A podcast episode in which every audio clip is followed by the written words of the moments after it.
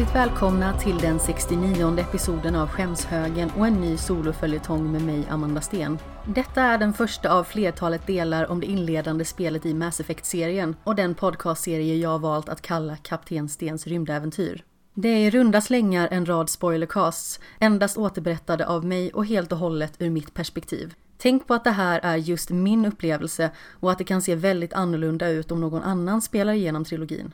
Det är det som är något av det finaste med serien, att vi alla är olika, gör olika val och därmed berättar olika versioner av vad som skedde. Ibland med skillnader så små att de känns oväsentliga, men ibland är de astronomiska.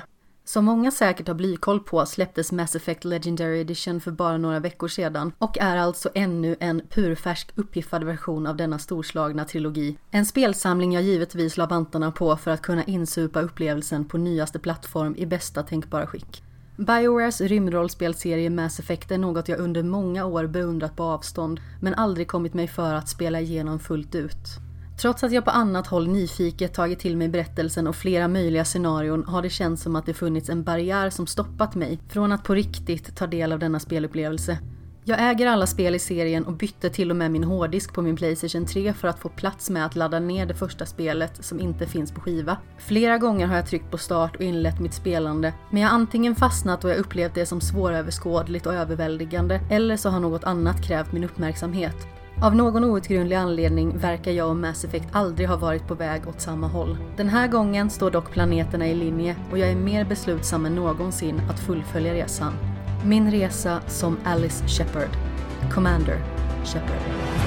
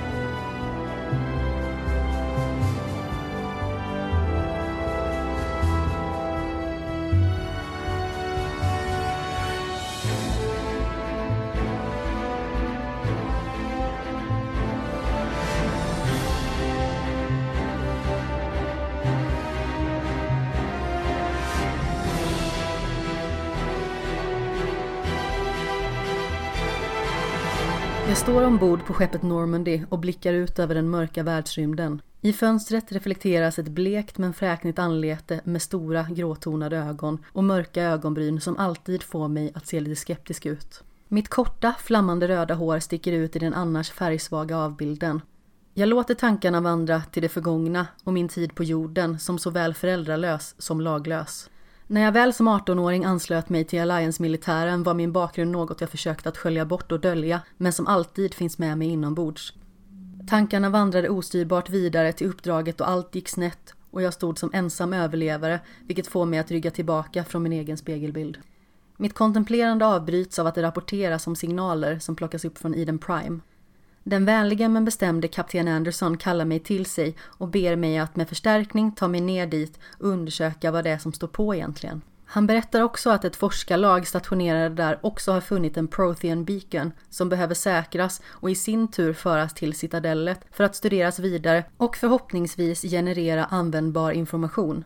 Detta verkar förklara varför vi haft en Turian Spectre ombord. Hans namn är Nihilus och verkar inte direkt öppen för att samarbeta allt för nära med oss. Därför kör han sitt eget race och hastar iväg i förväg utan någon som helst medhjälpare som har hans rygg. Jag själv är inte intresserad av att vara i det utsatta läget och notifierar Richard Jenkins och Caden Alenko om att jag vill att de följer med mig för att undersöka platsen och gör mig därefter redo för landning.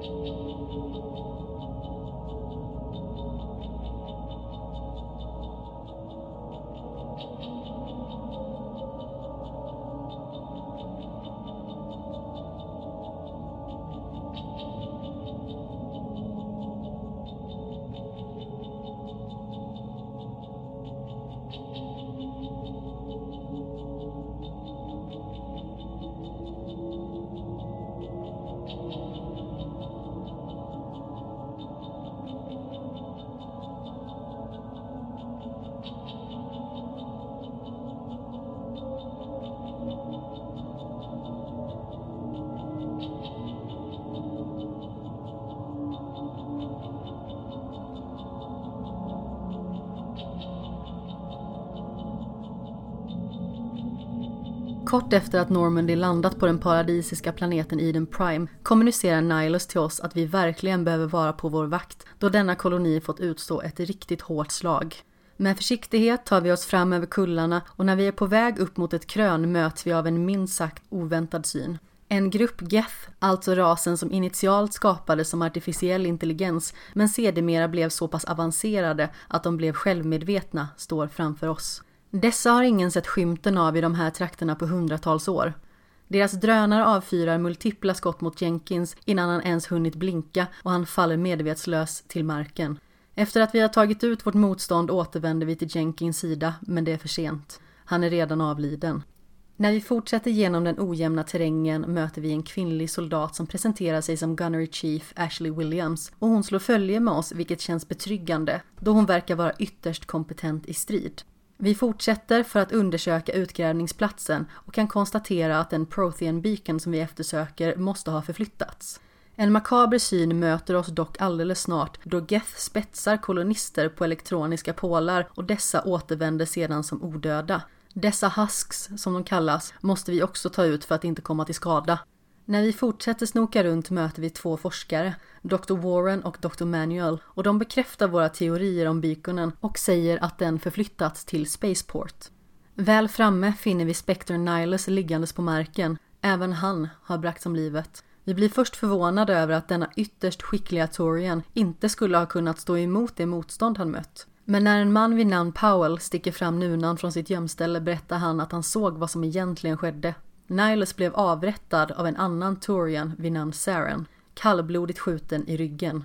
Efter denna chockartade information aktiverar vi ett tåg som för oss vidare till nästa plattform där också den Prothean Beacon vi letat efter är belägen.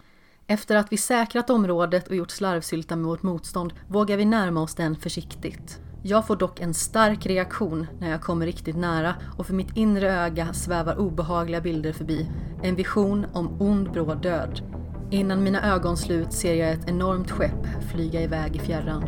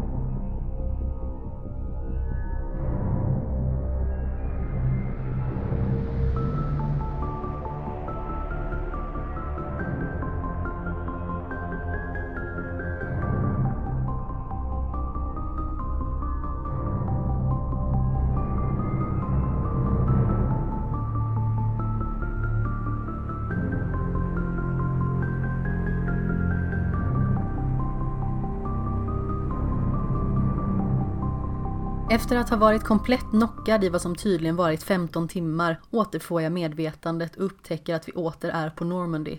Dr. Chakwas och min vapendragare Caden har under denna långa tid vakat över mitt tillstånd.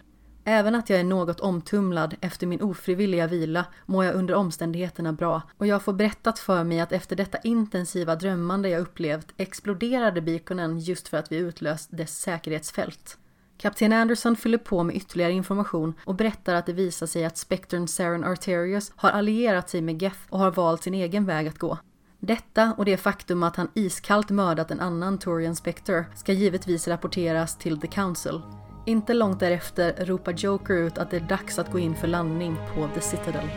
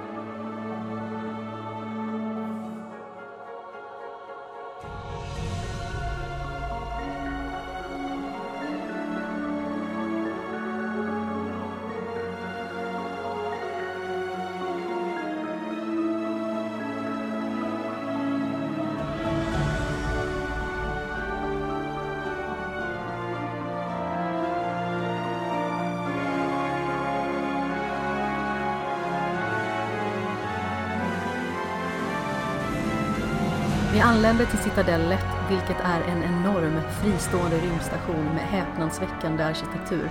Håret på armarna reser sig när vi svävar in genom infarten som nästan omsluter oss som flertalet öppna armar. Citadellets struktur är oerhört överväldigande och att navigera sig utan att få en liten släng av huvudvärk och sinnesförvirring är nästintill omöjligt. Till slut finner jag vägen upp till Citadel Tower där jag stöter på ytterligare en Torian som presenterar sig som Garrus Vicarian. Han berättar för mig att han är ansvarig för C6 undersökning av Saren Arterius, men då han är en Spectre är nästintill allt material klassificerat och därmed är det klurigt att få fram konkreta bevis. Jag vet att vi måste stå på oss och lägga fram gedigen bevisföring med bestämdhet, då The Council var mycket skeptiska till ambassadör Udinas anförande om Sarens påstådda svek. Vi anländer för att bevittna The Councils utfrågning av Saren. Inte helt oväntat förnekar han totalt sina brott och hävdar att Nihilus var en nära vän till honom. I hans svar på de frågor han får blir det också uppenbart att han hyser stor avsky för den mänskliga rasen. Dessvärre finns det inte mer än anklagelser som talar emot Saren och därför frias han på grund av bristande bevisning då det inte finns något som helst samband mellan honom och Geth. Upprörd efter att ha bevittnat detta nederlag och vad som känns som en törn i min trovärdighet blir jag sedan vägledd till klubben Coras Den, där Gary ska befinna sig och då han, utifrån vårt tidigare möte, verkar stå på samma sida som jag känns det naturligt att söka upp honom. Istället hittar jag en sluskig filur vid namn Harkin som självbelåtet berättar om att Captain Anderson faktiskt var den första mänskliga spektern men att Saren satte dit honom vilket resulterar i att han misslyckades och degraderades. Efter denna oväntade inofficiella information tipsas jag om att ta mig till den medicinska kliniken för att tala med Dr. Chloe Michelle då hon verkar sitta inne på information som kan fälla Saren. När jag väl anländer har hon dock tagit som gisslan och jag måste agera fort som distraktion. Jag upptäcker att Gareth smyger i det fördolda, redo att finna en bra vinkel och det ska visa sig att han är en mycket skarp skytt för sekunden han får sin chans skjuter han elakingarna och befriar vår blivande informatör.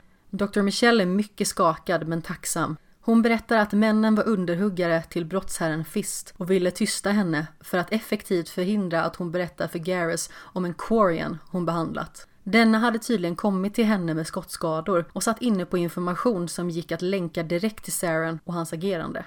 Vi tar oss härnäst till Seasec Academy för att lokalisera prisjägaren Rex som i detta skede anlitats av The Shadow Broker för att ta itu med ett och annat. Denna Krogan är ute efter den skurkaktige Fist och enligt utsago ska dessutom denne och ingen mindre än Saren ha något fuffens för sig. Fist har tidigare varit informatör till The Shadow Broker och det verkar som att den sistnämnde skulle ha arrangerat ett möte med den Quarian vi letar efter som har bevis mot Saren, vilket uppenbart är ett bakhåll. Så fort vi får nys om var denna mötesplats ska äga rum skyndar vi oss dit och stöter på rejält motstånd på vägen. Vi anländer precis när planen skrider i verket och de ska fimpa henne, men tillsammans samarbetar vi för att eliminera skurkarna. Talisora Naraya, som hon heter, är ytterst tacksam för att vi kom dit och i grevens tid räddade hennes skinn, vilket gör henne villig att vara oss behjälpliga och slår härifrån följe med oss. Det är nu hög tid för oss att meddela The Council att vi kan lägga fram, enligt oss, fällande bevis. Tali hade lyckats extrahera information ur minneskärnan hos en Geth och det starka bevis hon innehar är en ljudfil som exponerar Sarens triumferande röst efter händelserna på Eden Prime. Han avslöjar för sin kumpan, matriarken Benezia, att målet hädanefter är att finna något som heter The Conduit och därmed ta ett steg närmare Reapers återkomst. Det blir nu uppenbart för mig att det jag sett i min vision från den Protean-byken vi hittade på Eden Prime var hur rasen Proteans blev utrotade av Reapers, som fram tills nu enbart verkat vara en myt. The Council ser mycket allvarligt på denna ljudupptagning och avsätter Saren omedelbart och tar ifrån honom alla spekterförmåner. När jag tror att dagen inte kan sluta på en mer positiv not än så här visar The Council sin aktning samt tilltro till mina egenskaper och utnämner mig härmed till den första erkända mänskliga spektern. Sorgligt nog får Kapten Anderson överge sin SSV Normandy, men jag vill ändå tro att det känns betryggande för honom att denna fenomenala farkost är i mina händer som överbefälhavare.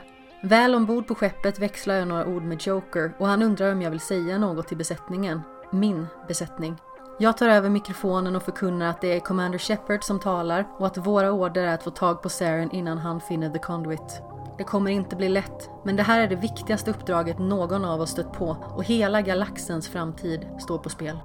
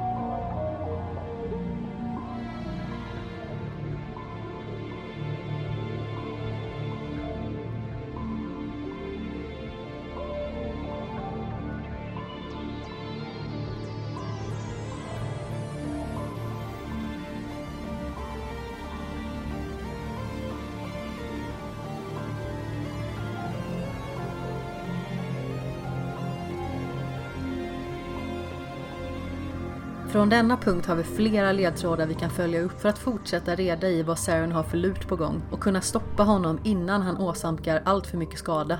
Jag finner det mest logiskt att leta reda på en Asari vid namn Liara Tassoni som är matriarken Benetias dotter och på så vis skulle vi kunna komma åt en av Sarens allierade.